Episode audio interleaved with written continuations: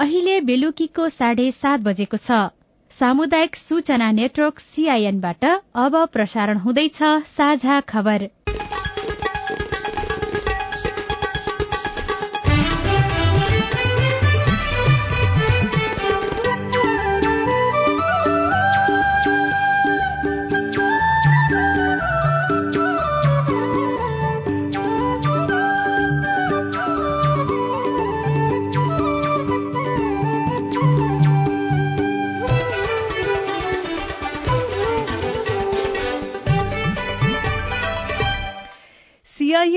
साझा खबरबाट स्नेहा कर्णको नमस्कार। साझा खबर देशभरिका सामुदायिक रेडियो सीआईएन खबर डट कम र मोबाइल एप सीआईएनमा पनि सुन्न सकिन्छ।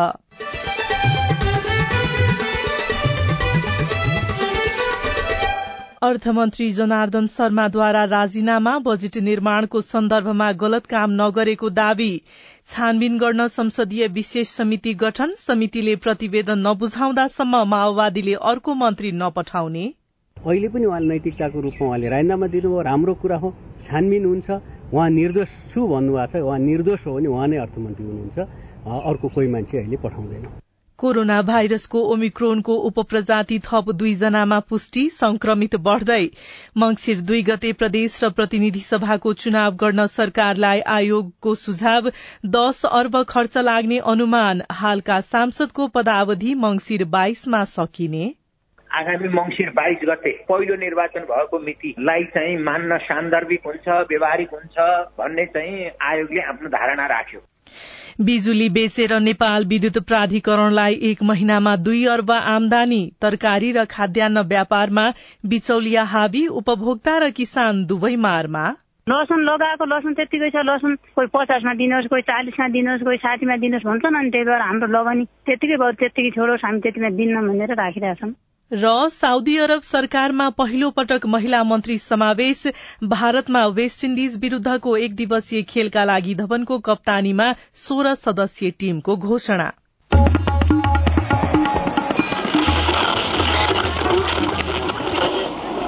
रेडियो। हजारौं रेडियो कर्मी र करोड़ौं नेपालीको माझमा यो हो सामुदायिक सूचना नेटवर्क सीआईएन विश्वका धनी देशहरूले गरेको कार्बन उत्सर्जनको असर नेपाल जस्ता विकासोन्मुख देशहरूले भोगिरहेका छन्। नेपालमा औसतमा वार्षिक शून्य दशमलव शून्य पाँच छ डिग्री सेल्सियस तापक्रम बढ़िरहेको छ। बाढ़ी पहिरो भूक्षय जस्ता प्राकृतिक विपत्ति पनि जलवायु परिवर्तनको कारण नै देखिएको छ। त्यसैले जलवायु परिवर्तनको असर न्यूनीकरणको लागि नेपालले अन्तर्राष्ट्रिय सम्झौताहरूलाई अंगीकार गर्दै अलग्गै नीति बनाउन आवश्यक रहेको छ। अब खबर अविनाश आचार्यबाट। सत्ता गठबन्धन र पार्टीभित्रै पनि राजीनामा दिन दबाव बढ़दै गएपछि अर्थमन्त्री जनार्दन शर्माले पदबाट राजीनामा दिनुभएको छ। आज प्रतिनिधि सभाको बैठकमा सम्बोधन गर्दै अर्थमन्त्री शर्माले संसदीय छानबिन समितिलाई सहयोग गर्न राजीनामा दिएको घोषणा गर्नुभयो। राजीनामा घोषणा गर्नु अघि बैठकलाई सम्बोधन गर्दै उहाँले बजेट निर्माणको अघिल्लो दिनको सीसीटीभी फुटेज मेटिएको बारेमा आफूलाई जानकारी नभएको स्पष्टीकरण दिनुभयो। मेरो पूर्ण सहयोग हुनेछ।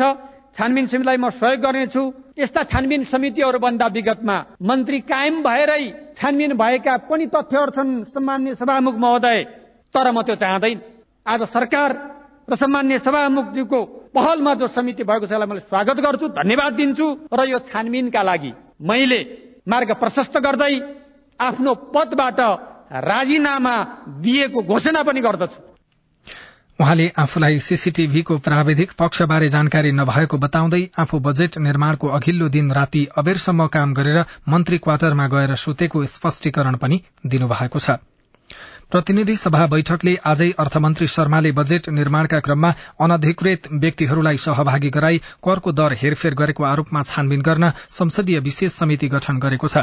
समिति गठन अघि सभामुख अग्नि प्रसाद सापकोटाले एमाले माओवादी कांग्रेस एकीकृत समाजवादी लगायत राजनैतिक दलका सचेतकहरूसँग छलफल गर्नुभएको थियो। छलफल र दलीय आधारमा समिति गठन गरिएको हो। एघार सदस्यीय यो समितिले बजेटमा करको दर हेरफेर गर्ने सम्बन्धमा अनधिकृत व्यक्ति प्रवेश गरेको विषय छानबिन गरी दश दिनभित्र प्रतिनिधि सभामा पेश गर्नुपर्नेछ। समितिमा देहाय बमोजिमका मान्य सदस्यहरू रहनेछन्। माननीय श्री खगराज अधिकारी मान्य श्री देवप्रसाद गुरूङ मान्य श्री पुष्प भूषाल गौतम मान्य श्री प्रदीप कुमार गेवाली मान्य श्री भानुभक्त ढकाल मान्य श्री विमला विक माननीय श्री लक्ष्मणलाल कर्ण मान्य श्री शक्तिबहादुर बस्नेत माननीय श्री सरला कुमारी यादव मान्य श्री सीताराम महतो मान्य श्री सुरेन्द्र प्रसाद यादव। समितिले आवश्यक देखेमा सम्बन्धित अन्य व्यक्तिको सहयोग लिन सक्नेछ। समितिको कार्यवधि कार्य प्रारम्भ गरेको मितिले दस दिनसम्मको लागि हुनेछ। यसअघि संसदीय छानबिन समिति नबनाएसम्म बैठक सञ्चालन गर्न नदिने अड़ान एमाले राखेको थियो। तर माओवादी केन्द्रले भने छानबिन समितिले काम नसक्दासम्म अर्को अर्थमन्त्री नियुक्त नगर्ने जनाएको छ। संसद भवनमा पत्रकारहरूसँग कुराकानी गर्दै माओवादी नेता वर्षमान पुनले अर्थमन्त्री शर्माले राजीनामा दिएर उच्च नैतिकता प्रदर्शन गरेको बताउँदै अब छानबिनबाट निर्दोष साबित भएको खण्डमा पुनः अर्थमन्त्रीमा नियुक्त हुने दावी गर्नुभयो। जसरी प्रमुख प्रतिपक्षी दलका मान्यहरूले बोल्नुभयो निशाना गर्दै कि यो पुष्टि भइसकेको कुरो हो। उहाँलाई सजाय गर्न सजाय गर्नको लागि छानबिन गर्नको लागि यो समिति हो अथवा के अरे सिफारिस गर्नको लागि भन्ने जस्तो गर्नुभयो। त्यो कुरोमा सत्यता छैन। पहिले नै पूर्वाग्रह राखेर छानबिन सुरुवात गर्ने भनेको त्यो पूर्वाग्रह सोच हो। त्यो राजनीतिक उद्देश्य त्यसमा देखिन्छ। त्यसरी यो समितिले काम गर्नु हुँदैन। निष्पक्ष ढङ्गले स्वतन्त्र ढङ्गले संसदको उच्च मर्यादा राख्ने ढङ्गले काम गर्नु। अहिले पनि उहाँले नैतिकताको रूपमा उहाँले राजीनामा दिनुभयो राम्रो कुरा हो छानबिन हुन्छ। उहाँ निर्दोष छु भन्नुभएको छ उहाँ निर्दोष हो भने उहाँ नै अर्थमन्त्री हुनुहुन्छ। अर्को कोही मान्छे अहिले पठाउँदैन। तर समितिमा रहेका एमाले सांसदहरूले भने छानबिन स्वतन्त्र रूपमा हुने प्रतिक्रिया दिएका छन्। सीआईएनसँग कुरा गर्दै समिति सदस्य समेत रहनुभएका एमाले नेता भानुभक्त ढकालले भन्नुभयो होइन अब काम थालेपछि त्यसको म्याद दस दिन भनेको छ। काम गर्ने टिओआर त त्यहाँ प्राप्त भएकै छ। अब भर्खर आज बनेको छ। विलम्ब नगरी सुरु हुन्छ। तर कतिखेरबाट गर्ने भन्ने कुरो परामर्श हुने बाँकी छ। परामर्श बैठक चाहिँ कहिले बस्दै हुनुहुन्छ त? भर्खर आज बनेको छ संसद चलिराखेको छ संसद सकिएकै छैन अब ढिलो हुँदैन। बाँकी कार्यविधि त्यही समितिको बैठक बसेपछि तय हुन्छ। तथ्यका आधारमा सत्य पत्ता लगाउने त्यसको जिम्मेवारी हो। त्यसमा छिट्टै हामी काम थाल्छौँ। अर्थमन्त्रीले राजीनामा दिनु राजनैतिक अभ्यासका लागि नमूना भएको राजनैतिक विश्लेषकहरूले प्रतिक्रिया दिएका छन्। सीआईएनसँग कुराकानी गर्दै राजनैतिक विश्लेषक पुरूषोत्तम बस्नेतले विषय उठेपछि राजीनामा दिनु सकारात्मक भएको बताउनुभयो। अब सत्य तथ्य छानबिन पनि हुनुपर्ने उहाँको भनाइ छ। उहाँलाई धेरै आक्षेप आएको थियो। धेरैले विरोध गरेका थिए। संसदबाट पनि विरोध भएको थियो। राजनीति यो बाहिर पनि नागरिक समाज बेसी यहाँको बुद्धिजीवीहरू अर्थविदहरूले पनि विरोध गरेका थिए। त्यो स्थितिमा उहाँले आफ्नो अडान छोडेर एउटा राजीनामा गर्नु राम्रै पक्ष हो। तर अब त्यसको छानबिन पनि हुन जरुरी छ। उहाँको के गल्ती थियो कि उहाँले गल्ती नै गरेको भए त्यस अनुसारको एउटा कदम पनि चाल्न पर्छ। कर दरमा थप गरियो भन्ने छ। यी कुराहरूको त सफाइ लिने भन्ने त आधार छैन नि। नेपालमा थप दुईजनामा ओमिक्रोन भेरिएन्टको उपप्रजाति BA dot five dot five पुष्टि भएको छ। स्वास्थ्य तथा जनसंख्या मन्त्रालयका अनुसार हिजो गरिएको बत्तीसवटा नमूना परीक्षणको क्रममा दुईजनामा ओमिक्रोन भेरिएन्टको उपप्रजाति BA dot five dot five पुष्टि भएको हो। मन्त्रालयका प्रवक्ता डाक्टर संगीता कौशल मिश्रले अठाइस जनामा बीए डट टू र बाँकी दुईजनामा बीए डट वान पुष्टि भएको बताउनुभयो। पछिल्ला केही हप्ताहरूमा नेपालमा कोविड उन्नाइसको संक्रमणमा वृद्धि भइरहेको छ। अन्तर्राष्ट्रिय प्रवेश नाकाहरूबाट नेपाल प्रवेश गर्ने यात्रीहरूमा परीक्षण गर्दा कोविड उन्नाइसको संक्रमण पुष्टि हुने दरमा पनि वृद्धि भएको छ। राष्ट्रिय जनस्वास्थ्य प्रयोगशाला टेकुमा प्रत्येक दुई हप्तामा नियमित रूपमा जीन सिक्वेन्सिङ गर्ने व्यवस्था गरिएको छ। हिजो बत्तीसवटा नमूनाको नतिजा प्राप्त भएको थियो जसमा दुईवटा बीए डट पोइन्ट फाइभ पुष्टि भएको छ। बाँकी अठाइसवटा नमूनामा बीए पोइन्ट टू र दुईवटामा बीए पोइन्ट वान पुष्टि भएका छन्। पछिल्लो समय नेपालमा देखिएको ओमिक्रोन भेरिएन्टको उपप्रजाति बढ़ी संक्रामक भएकाले सतर्क र सचेत रहन पनि अनुरोध गर्नुभयो। आज मात्रै देशभर एक सय तेह्र जनामा कोरोना भाइरसको संक्रमण पुष्टि भएको छ। निर्वाचन आयोगले प्रतिनिधि सभा र प्रदेशसभाको निर्वाचन मंगिर दुई गते शुक्रबार एकै चरणमा गर्न सरकारलाई सुझाव दिएको छ। आज प्रधानमन्त्री शेरबहादुर देउवाको सरकारी निवास बालुवाटार पुगेर प्रमुख निर्वाचन आयुक्त दिनेश कुमार थपलिया सहितको टोलीले मंगिर दुईमा निर्वाचन गर्न सुझाव दिएको निर्वाचन आयोगका प्रवक्ता शालिग्राम शर्मा पौडेलले सीआईएनलाई जानकारी दिनुभयो। सामान्य प्रधानमन्त्रीज्यूले त्यसैको सेरोफेरोमा रहेर मिति कायम गर्ने गरी नेपाल सरकारबाट निर्णय गराउने कुरा जानकारी गराउनुभयो आज सरकारसँगको छलफलमा चाहिँ निर्वाचित प्रतिनिधि सभा तथा प्रदेशसभा सदस्यहरूको कार्यकाल चाहिँ कहिलेसम्म रहने भन्ने केही टुङ्गो लाग्यो? टुङ्गो लागेकै होइन तर आयोगको धारणा के भयो भने अब ऐनमा स्पष्ट व्यवस्था प्रतिनिधि सदस्य र प्रदेशसभा सदस्यहरूको कार्यकाल कहिले समाप्त हुने भन्ने स्पष्ट व्यवस्था नभएको सन्दर्भमा आगामी मङ्सिर बाइस गते पहिलो निर्वाचन भएको मितिलाई चाहिँ मान्न सान्दर्भिक हुन्छ व्यवहारिक हुन्छ भन्ने चाहिँ आयोगले आफ्नो धारणा राख्यो। यस्तै दुवै तहको निर्वाचन सम्पन्न गर्न करिब दश अर्ब खर्च हुने प्रारम्भिक अनुमान पनि गरिएको छ। नेपाल विद्युत प्राधिकरणले भारतलाई बिजुली बेचेर एक महिनामा दुई अर्ब रूपियाँ आमदानी गरेको बताएको छ। प्रधानमन्त्री शेरबहादुर देउबा गत चैतमा भारत भ्रमणमा जाँदा भारतलाई बिजुली बेच्ने विषयमा सम्झौता भएको थियो जस अनुसार नेपालले पछिल्लो समय भारतलाई बिजुली प्रतिदिन छ हजार मेगावाटदेखि आठ हजार मेगावाटका दरले बेचिरहेको नेपाल विद्युत प्राधिकरणका प्रवक्ता सुरेश भट्टराईले सीआईएनसँग बताउनुभयो। अहिलेसम्म करिब हामीले दुई अरब नेपाली करेन्सी जुन चाहिँ नेपाल विद्युत प्राधिकरणको खातामा आइसक्यो। जेनेरेटिङ स्टेशन्सहरू त हाम्रा बन्दै जालान्। हाम्रा प्रसारण लाइनहरू कसरी बनिरहेका छन् र प्रसारण लाइनहरू यदि बनाउन हामीले सक्यौं भनेदेखि एउटा पिक्चर आउँछ। यदि प्रसारण लाइन बनाउन समयमा सकेनौं अर्को कुरा हामीले वितरण लाइनहरू पनि त्यही अनुसार हामीले ग्लोबल टेन्डरहरू गरिरहेका हुन्छौं। वितरण प्रणाली सुधार हुन कामहरू हामीले गरिरहेका हुन्छौँ। यी सबै कोअर्डिनेट भएर भयो भने चाहिँ एउटा नेपालको आर्थिक क्रान्तिको रूपमा चाहिँ एउटा ठूलो बाटो कोरिन्छ यसले मुलुकको इकोनोमीलाई नै धेरै माथि लान्छ।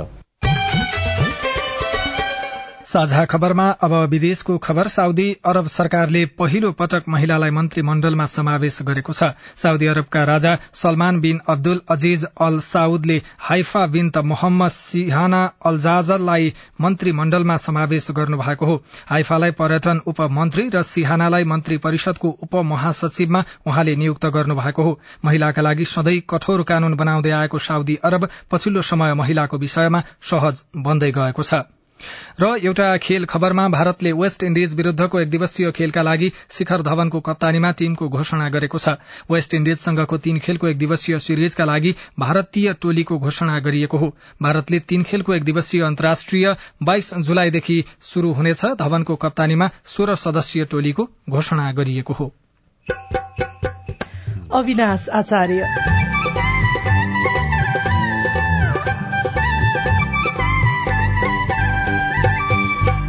पाल्पामा रोपाईका क्रममा गाइने वाली गीतको चलन हराउँदै बाजे रोपाई भनेपछि त्यति बेलाको एउटा प्रतिष्ठा इज्जत खानदानी इज्जतको एउटा चाहिँ द्योतक पनि हुन्थ्यो बाजे रोपाई गर्नेवाला संस्कृतिमा समेत आधुनिकता प्रवेश गरेकोमा पाका पुस्ताको चिन्ता रिपोर्ट लागत अनुसारको प्रतिफल नपाएको किसानको गुनासो बिचौलियाका कारण किसान र उपभोक्ता दुवै ठगिँदै लगायतका विशेष सामग्री बाँकी नै छ सीआईएनको साझा खबर सुन्दै गर्नुहोला।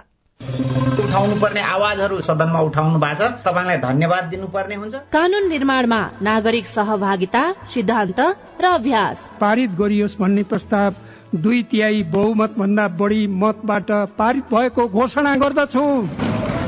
कानून कार्यान्वयनमा सांसद र संसदको जवाफदेहिता। र जिल्लाको र समग्र मुलुकका चाहिँ सवालहरूलाई संसदमा उठाउने सवालहरूमा म आफूले सशक्त ढंगले भूमिका खेले भन्ने लाग्छ। संसदीय प्रक्रियामा जनता र सरकारवाला निकायको नजर। युवाको क्षेत्रमा त्यति धेरै काम भएको छैन। युवालाई चाहिँ ओजरमै राखेर अहिले काम भइरहेको छ। युवाहरूलाई चाहिँ रोजगारीमा जोड्नुपर्छ भनेर अहिले केही कार्यक्रमहरू पनि सञ्चालन गरेका छौँ। जनतादेखि नेतासम्म नीतिदेखि नेतृत्वसम्म युवा सीमान्तकृत वर्ग जाति अल्पसंख्यकका सवालहरू। जनताको कुरा राख्ने ठाउँ संसदै हो। हामी कार्यपालिका होइन व्यवस्थापिका हो नीति निर्माण गर्ने हो अब सवाल मात्रै होइन जवाबसँगै देखिन्छ प्रभाव पनि। कार्यक्रम हेलो सांसद। सीआईएन मार्फत मुलुकभरका सामुदायिक रेडियोमा हरेक बिहिबार बेलुकाको साझा खबरमा र भोलिपल्ट शुक्रबार बिहान साढे छ बजे कार्यक्रम हेलो सांसद। सीआईएन को फेसबुक पेज र युट्युब च्यानलमा सांकेतिक भाषामा पनि हेर्न सक्नुहुनेछ। युएनडीपी संसद सहयोग परियोजना र अकुराबको सहकार्य। सामाजिक रूपान्तरणका लागि यो हो सामुदायिक सूचना नेटवर्क सीआईएन तपाई सामुदायिक सूचना नेटवर्क सीआईएनले तयार पारेको साझा खबर सुन्दै हुनुहुन्छ। सरकारले तेइस जिल्लाका दुई लाख तेइस हजार तीन सय तीस गरीब परिवारको सूची स्वीकृत गर्ने निर्णय गरेको छ। हिजो बसेको मन्त्री परिषद बैठकले सर्वेक्षण मार्फत पहिचान भएका गरीब घर परिवारलाई सूचीकरण गर्ने निर्णय गरेसँगै अब परिचय पत्र वितरण गर्ने बाटो खुलेको छ। दार्चुलाको ब्यास गाउँपालिका दुई मालघाट स्थित महाकाली नदीमा राखिएको तुइनबाट खसेर एकजना बेपत्ता भएका छन्। भारतबाट ब्यास गाउँपालिका दुई स्थित घर फर्कने क्रममा तुइन चुडिएर उन्नाइस वर्षका सचिन बुढाथोकी महाकाली नदीमा बेपत्ता भएको प्रहरीले जनाएको छ। बेपत्ता भएका बुढाथोकीको खोजी भइरहेको जिल्ला प्रहरी कार्यालय दार्चुलालाई उद्धृत गर्दै दार्चुला एफएमले खबर पठाएको छ। कैलालीमा दौड़िने क्रममा लडेर घाइते भएका मध्ये दुईजनाको अवस्था गम्भीर रहेको बताइएको छ। जिल्ला प्रहरी कार्यालय कैलालीका प्रवक्ता प्रहरी नायब उपरीक्षक वेद प्रकाश जोशीले नियमित तालिमको दौरानमा आज धनगढ़ी स्थित भन्सार हुँदै फाप्ला जोड्ने सड़कमा दौड़िने क्रममा लडेर नौजना प्रशिक्षार्थी प्रहरी जवान घाइते भएको बताउनुभयो। दौड़िने क्रममा लू लागेर घाइते भएका नौजनालाई सेती अस्पतालमा उपचारका लागि भर्ना गरिएको थियो। उपचारपछि सातजनालाई डिस्चार्ज गरिसकिएको सेती अस्पतालका सूचना अधिकारी दिलीप श्रेष्ठले सीआईएनसँग बताउनुभयो। उहाँका अनुसार घाइते भएका मध्ये एकजनाको भेन्टिलेटरमा र अर्का एकजनाको आईसीयूमा उपचार भइरहेको छ। पूर्वका घाँसे गीत हुन् या पश्चिमका धामी नाच। नेपालमा गाइने अधिकांश गीत र प्रस्तुत गरिने नृत्य हाम्रो संस्कृतिसँग जोडिएका छन्। असारमा रोपाईको चटारो चलिरहँदा घाँसे गीत र असारे भाकाहरू पनि सुनिन्छन्। पाल्पामा भने रोपाईका क्रममा गाइने वाली गीतको चलन कम हुँदै गएको छ।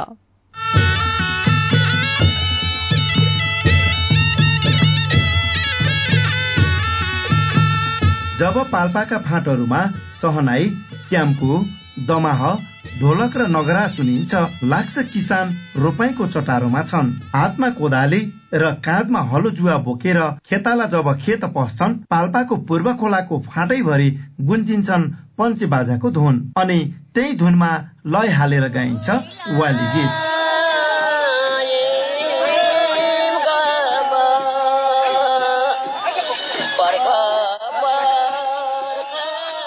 यो भाकाले पाल्पा र आसपासका जिल्लाको सयौं वर्षको इतिहास बोकेको छ। जानकारहरूका अनुसार बाजे रोपाईमा गाइने भएकाले यस्ता गीतलाई वाली गीत भन्ने गरिएको हो। पूर्व खोलाका एकजना किसान नीलकण्ठ नेउपाने। मानिसहरूले बाजा बजाउँथे रमाइलो गर्थे ठुलो खेतको रोपाई सम्पन्न हुन्थ्यो। र मानिसहरूले ठुल्ठुला रोपाईलाई बाजे रोपाई भनेपछि त्यति बेलाको एउटा प्रतिष्ठा इज्जत खानदानी इज्जतको एउटा चाहिँ द्योतक पनि हुन्थ्यो बाजे रोपाई गाड्नेवाला। असारमा रोपाईका क्रममा गाइने भएकोले यसलाई असारे भाका पनि भनिन्छ। असारे भाका नेपालको विभिन्न भेगमा आफ्नै शैलीले गाउने गरिएको छ। पाल्पामा भने पञ्चे बाजाको लयमा असार गीत गाउने गरिन्छ।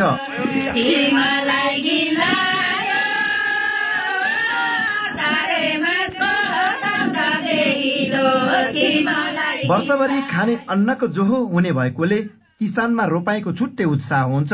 त्यसमाथि वाली गीतले रोपाईमा भिन्दै रौनकता दिने गरेको बताउनुहुन्छ पूर्व खोलाकै अर्का किसान समना आत्रे। धान रोप्ने र सँगसँगै दिनभरि धान रोपिसकेपछि हिलोमा खेल्ने त्यसै गरी एक आपसमा खुसी साटासाट गर्ने हाम्रो यो संस्कृतिका रूपमा यसलाई चाहिँ जगेर्ना गरियो भने भोलिका हाम्रा पिँढीले पनि यो सिको सिक्नेछन्। किसानहरू रोपाईलाई पर्वकै रूपमा मनाउँछन् तर रोपाईमा गाइने यस्ता गीतको चलन हराउँदै गएको छ।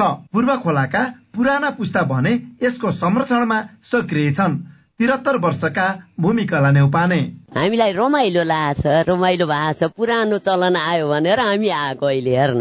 गीत संगीत नेपाली संस्कृतिसँग जोडिएको छ तर अधिकांश संस्कृतिको संरक्षणमा पुराना पुस्ता मात्रै लागेको देखिन्छ। नयाँ पुस्ताले चासो नदिँदा वाली गीतको संरक्षणमा पनि चुनौती देखिएको उनीहरू बताउँछन्। Bhuwan Raymajhi CIN radio Muktinath Palpa. साझा खबरमा अब हेलो सीआईएन उषा तामाङबाट। नमस्ते म तुलसीपुर उपमहानगरपालिकाबाट गृसन ओली पासपोर्टको फर्म भर्न हिँडेको धेरै दिन भयो तुलसीपुरमा तर सबमिटै हुँदैन। यस्तो जटिल किन? जवाब दिँदै हुनुहुन्छ दाङका प्रमुख जिल्ला अधिकारी हिरालाल रेग्मी। किनभने भएको सर्भरमा एकदम लोड धेरै भयो भने अथवा कहिले बत्तीले साथ नदियो भने बत्तीको समस्या भयो भने अथवा सिस्टममा कहिलेकाहीँ केही प्रोब्लम त्यहाँ आयो भने त्यो केही प्राविधिक समस्याको कारणले मात्रै त्यो सबमिट नहुने हुनसक्छ नत्र भने सबमिट चाहिँ हुन्छ। कुन दिनमा चाहिँ आफ्नो पालो आउँछ भन्ने कुरा पनि त्यो सिस्टमले नै डेट एन्ड टाइम चाहिँ दिएको चाहिँ हुन्छ। दुर्गावली निसिकोटा बागलुङबाट म युवा रोजगारको पैसा लिएको थिएँ। एक वर्ष पहिले तिरिसकियो तर मैले दस पर्सेन्ट ब्याज फिर्ता पाउने अहिलेसम्म पाएन। यसको लागि कहिले पाउँछु होला? सिआइएनले खोज तलास गरिदियोस्। दुर्गाजी तपाईँको प्रश्न हामीले युवा तथा साना व्यवसाय स्वरोजगार कोषका कार्यकारी निर्देशक विश्व मोहन अधिकारीलाई सुनाएका छौं। युवा स्वरोजगार कोषबाट कर्ज लगानी भएर उद्यमी भएका बेरोजगार युवाहरूले जो उद्यमी भएको छन् उहाँहरूले सिक्सटी पर्सेन्ट ब्याज फिर्ता पाउनुहुन्छ। तर हालको अवस्थामा नेपाल सरकारबाट फिर्ता दिनको लागि जति रकम प्रदान गरेको छ त्यो रकम वितरण गर्ने कार्यक्रममा रकम नपुगेको कारणले गर्दा यो ढिला भएको छ। हामी निश्चय नै नेपाल सरकारको यो दायित्व हो छिटै यो फिर्ता गर्ने क्रममा छौँ। मलाई लाग्छ दुई आर्थिक वर्षभित्रमा हामीले यो रकम फिर्ता गरिसक्नेछौँ। तपाईँ जुनसुकै बेला हाम्रो टेलिफोन नम्बर शून्य एक बान्न साठी छ चार छमा फोन गरेर आफ्नो प्रश्न जिज्ञासा गुनासा तथा प्रतिक्रिया रेकर्ड गर्न सक्नुहुन्छ। तपाई सामुदायिक सूचना नेटवर्क सीआईएनले काठमाण्डुमा तयार पारेको साझा खबर सुन्दै हुनुहुन्छ। नेपालमा उत्पादित तरकारीलाई बजार अभाव? भावै छैन। अब दबाईको रेट दिनदिनै बढ्दै जान्छ। हिजो सय रुपियाँमा लगेको आज दुई सय भन्छ। दुई सयमा लगेको तिन सय भन्छ।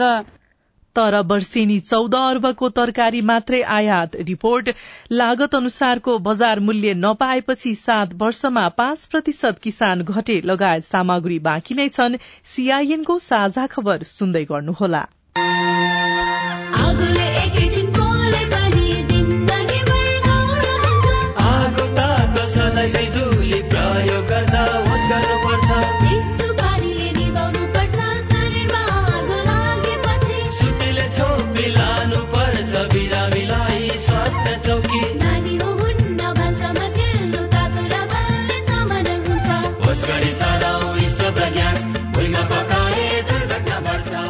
अग्निजन्य दुर्घटना भएमा शून्य एक पचपन्न पचपन्न छ आठ नौमा सम्पर्क गर्नुहोस्। बीबीएस नेपाल ललितपुर। सामाजिक रूपान्तरणका लागि यो हो सामुदायिक सूचना नेटवर्क सीआईएन तपाई सामुदायिक सूचना नेटवर्क सीआईएनले काठमाण्डुमा तयार पारेको साझा खबर सुन्दै हुनुहुन्छ। भन्सार विभागका अनुसार नेपालमा वर्षेनी झण्डै चौध अर्ब मूल्य बराबरको तरकारी आयात हुने गरेको छ। तर नेपालमै उत्पादन भएका तरकारीले मूल्य र बजार नपाउँदा खेर गइरहेको हुन्छ। यस्तै समस्या सर्लाहीका किसानले पनि भोगिरहेका छन्। पहिला बोडी निसिँदा दस रुपियाँ किलो बेच्नु पर्यो। अब अहिले अलि अलिअलि निसिँदा पुरानो भइहाल्छ। पुरानो भएपछि भाउ लाउँदैन तिस पैँतिस पच्चिस लाउँछ। त्यो पनि हप्तामा दुईचोटि दबाई छिट्नु परेको। सर्लाही लालबन्दी नगरपालिका सत्र रानीगंजका प्रवीण पौडेल। उहाँ कृषि पेसामा लाग्नु भएको दश वर्षभन्दा बढ़ी भयो। पछिल्लो समय उहाँले तीन कट्ठा क्षेत्रफलमा तीस हजार भन्दा बढ़ी खर्च गरेर बोडी लगाउनुभयो। तर खेतमा लगाएको बोडीको उचित मूल्य पाउनु भएको छैन। भावै छैन अब दबाईको रेट दिनदिनै बढ्दै जान्छ। हिजो सय रुपियाँमा लगेको आज दुई सय भन्छ दुई सयमा लगाएको तिन सय भन्छ। अनि फेरि अब अहिले विभिन्न थरी रोग लगाएको अब अहिले रोपिया दुई काठा जति त्यो उहालेर फालिदिए अस्ति र धान रोपिदिए हरियोन नगरपालिका चार गेला गाउँका धीरेन्द्र चौधरीले पनि खेतमा लगाउनु भएको पर्वलले उचित मूल्य पाउन सकेको छैन। जसका कारण पन्ध्र कट्ठामा लगाइएको पर्वल खेतमै कुहिने अवस्था आउन थालेको उहाँको गुनासो छ। लागत भन्नाले पन्ध्र कट्ठामा लाख रुपियाँ लागत खालि पत्कर ओछ्याउनु हो उखुको पत्कर। अब उठेको छैन अहिलेसम्म दस रुपियाँ किलोले कसरी उठ्ने? एक त पानी परेर मरेर जान्छ। अब अहिलेसम्म त भावै छैन अब के भन्नै सक्दैन। महोत्तरीको गौसल्ला नगरपालिका बाह्र लक्ष्मीनियाका गम्भीरा शाह तेलीले आठ कट्ठामा झिम्नी र चार कट्ठामा करेला लगाउनु भएको छ। तर उत्पादित तरकारीले मूल्य नपाउँदा लागत खर्च पनि नउठेपछि चिन्तित हुनुहुन्छ। लगान उठाउन सकेको छैन। अहिले किन? दबाई त्यतिकै महँगो छ। यो तरकारी ल्याएर यहाँ यहाँ यहाँ मन्डीमा ल्याएर बेच्दाखेरि अहिले चाहिँ तपाईँले उसले लिन्छ तल उसलाई उसलाई उसलाई सप्लाई भन्छ। तरकारी लिउ कि लिउ लिउ कि लिउ भन्दा पनि यो बाह्र रुपियाँ तेह्र रुपियाँ किलो बेचेर तरकारी फाइदा हुन्छ? पाँच सयको जन लिन्छ। अब झ्याखा लगाउनु। बाँस किन्नु गयो भने चाहिँ एउटा बाँसलाई दुई सय रुपियाँ पर्छ। सर्लाहीमा करिब पैंसठी प्रतिशत नागरिक व्यावसायिक कृषि पेसामा आबद्ध छन्। सर्लाहीमा मात्रै प्रतिदिन मौसमी र बेमौसमी गरी बोडी करेला झिम्नी लगायत तरकारी दश ट्रक भन्दा बढ़ी संघीय राजधानी काठमाण्डु सहितका शहरमा निर्यात हुन्छ। तर बजारमा बिक्री भइरहेको मूल्यको आधामा पनि किसानका तरकारी बिक्री हुँदैन। किसानको तरकारीको मूल्य व्यवस्थापनका लागि के हुँदैछ? कृषि ज्ञान केन्द्र मलङवा सर्लाहीका सूचना अधिकारी सीताराम यादव। हाम्रो कृषि ज्ञान केन्द्रको काम के हो भने प्रविधि दिने हो प्राविधिक सरसल्लाह दिने हो अनि किसानले बढी से बढी उत्पादन लिने हो होइन? तर बजारको हामी ग्यारेन्टी कृषि ज्ञान केन्द्र लिन सक्दैन। बजारको भाव उनीहरूले आफै चाहिँ चाहिँ खोज्नुपर्छ। तरकारी व्यापारीहरूका अनुसार माग भन्दा धेरै तरकारी उत्पादन भएका कारण किसानले तरकारीको मूल्य पाउन सकेका छैनन्। जबकि कृषिमा आत्मनिर्भर बन्ने लक्ष्य पूरा गर्न नसकेकै कारण नेपालले अर्बौंको तरकारी आयात गर्नु परिरहेको छ। यसतर्फ समयमै ध्यान दिइएन भने कृषि पेसामा लागेकाहरू पलायन हुने अवस्था आउन सक्छ। Janarjan Khatri CIN radio Ekata Sarlahi. राष्ट्रिय योजना आयोगले गरेको आर्थिक सर्वेक्षणको पहिलो पछिल्लो तथ्याङ्क अनुसार झण्डै पाँच प्रतिशत जनसंख्या कृषि पेसाबाट विस्थापित भएका छन्। यसो हुनुको पछाडि किसानले आफ्नो उत्पादन लागत अनुसारको उचित मूल्य पाउन नसक्नु पनि हो। किसानको उत्पादन सिधै उपभोक्तासम्म पुर्याउने व्यवस्था गर्न स्थानीय सरकारको भूमिका के होला? लसुन लगाएको लसुन त्यतिकै छ लसुन कोही पचासमा दिनुहोस् कोही चालिसमा दिनुहोस् कोही साठीमा दिनुहोस् भन्छन् अनि त्यही भएर हाम्रो लगानी त्यतिकै भयो त्यतिकै छोडोस् हामी त्यतिमा दिन्न भनेर राखिरहेछौँ दैलेखको दुल्लु नगरपालिका वडा नम्बर दुईका इन्द्रा थापाको मुख्य व्यवसाय कृषि हो। उहाँ धान मकै गहुँ मात्रै होइन मौसम अनुसारको तरकारी पनि रोप्नुहुन्छ। तर बिक्रीमा सधैँ समस्या छ। उहाँले उत्पादन गरेको एक क्विन्टल लसुन बिकिरहेको छैन। हाल बजारमा लसुनको मूल्य दुई सय रूपियाँ किलोसम्म छ तर बिचौलियाले उहाँसँग माग्छन् पचास रूपियाँ किलोमा। आफै बजारसम्म लैजाउँ टाढा छ। बिचौलियालाई सस्तोमा दिन मनै मान्दैन। बाटो बिग्रेपछि बर्खामा त्यति जान्न भाडा धेरै महँगो हुन्छ। हाम्रो घरबाट त्यहाँ जानलाई सामान लगेर जानलाई। गएकै हजार आएकै हजार लाग्छन् अनि अटोमा त्यस्तोमा लगेपछि। गाह्रो हुन्छ केही छैन। हामीलाई खरिद्दाखेरि बजारको सामान कति महँगो हुन्छ कति महँगो हुन्छ हाम्रो सामान सस्तोमा जान्छ। भीमदत्त नगरपालिका कञ्चनपुरका अनिता मडैले तीस कट्ठा जमीनमा धान र मकै खेती गर्नुहुन्छ। वार्षिक दस क्विन्टल धान पनि बेच्नुहुन्छ। बजारमा धानको प्रति क्विन्टल मूल्य चारदेखि पाँच हजारसम्म छ तर उहाँको हातमा लाग्छ प्रति क्विन्टल तीन हजार रूपियाँ मात्रै। अब किसानले चाहिँ उत्पादन गरेको बजारमा लग्दाखेरि अब हामीहरूको धानको मूल्य चाहिँ अब कममा चाहिँ खरिद हुन्छ। अनि अब उपभोक्ताहरूले खरिद गर्दाखेरि त बढी मूल्य हालेर खरिद गर्नुहुन्छ। तर किसानले चाहिँ वास्तविक पाउने मूल्य चाहिँ पाएको चाहिँ छैन। तरकारी फलफूल तथा अन्य खाद्य बाली उत्पादन गर्ने हरेक किसानले यो समस्या झेलिरहेका छन्। किसानले पनि उचित मूल्य नपाउने तर उपभोक्ताले महँगो तिर्नुपर्ने समस्याको अन्त्य गर्न स्थानीय सरकारले भूमिका खेल्नुपर्नेमा विज्ञहरूको जोड़ छ। स्थानीय उत्पादनलाई बजार व्यवस्थापन गरिदिन पालिकाले के गरिरहेको छ? आबु खैरेनी गाउँपालिका तनहुका अध्यक्ष शुक्रमान चुमान। किसानहरूको बजारको व्यवस्थापनको लागि चाहिँ हामीले त्यति धेरै व्यवस्थित गर्न सकेका छैनौँ। अहिले हामी आएपछि बल्ल अहिले बजेट र योजनामा सल्लाह भइरहेको छ। अहिले हामीले चाहिँ एउटा हाट बजारको संरचनाहरू बनेर भ्याएको छ। अब त्यो हाट बजार सञ्चालन गर्दाखेरि बजार व्यवस्थापन त्यहाँबाट हुन्छ भन्ने छ। बिचौलियाले किसानसँग झण्डै पचास प्रतिशत मूल्य घटाएर किन्छन्। अनि उपभोक्तासम्म पुग्दा पचास प्रतिशत बढ़ेर पुग्छ।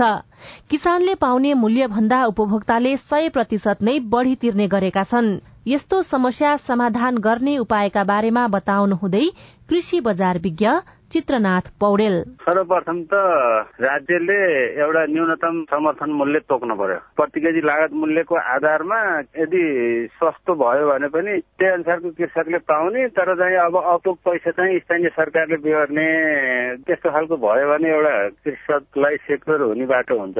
लागत अनुसारको मूल्य नपाएपछि किसानहरू पलायन हुँदै गइरहेका छन् भने आमदानी अनुसार खाद्यान्न महँगिँदा उपभोक्ता मारमा परेका छन्। त्यसैले बेच्ने र किन्नेहरूका लागि अलग्गै बजारको व्यवस्थापन गरिदिनमा स्थानीय सरकारले भूमिका खेल्नुपर्नेमा विज्ञहरूको जोड़ छ। सुशीला श्रेष्ठ सीआईएन काठमाडौँ। अर्थमन्त्री जनार्दन शर्माले पदबाट राजीनामा दिनुभएको छ। छानबिन गर्न संसदीय विशेष समिति गठन गरिएको छ। समितिले प्रतिवेदन नबुझाउँदासम्म माओवादीले अर्को मन्त्री नपठाउने भएको छ। निर्वाचन आयोगले मंगिर दुई गते प्रदेश र प्रतिनिधि सभाको चुनाव गर्न सरकारलाई सुझाव दिएको छ र बिजुली बेचेर नेपाल विद्युत प्राधिकरणलाई एक महिनामा दुई अर्ब आमदानी भएको छ। हवस् त। आजलाई साझा खबरको समय सकियो। प्राविधिक साथी सुनिल राज भारतलाई धन्यवाद। भोलि असार तेइस गते बिहान छ बजेको साझा खबरमा फेरि भेटौंला। अहिलेलाई स्नेहा कर्ण पनि विदा हुन्छु। नमस्कार शुभरात्री।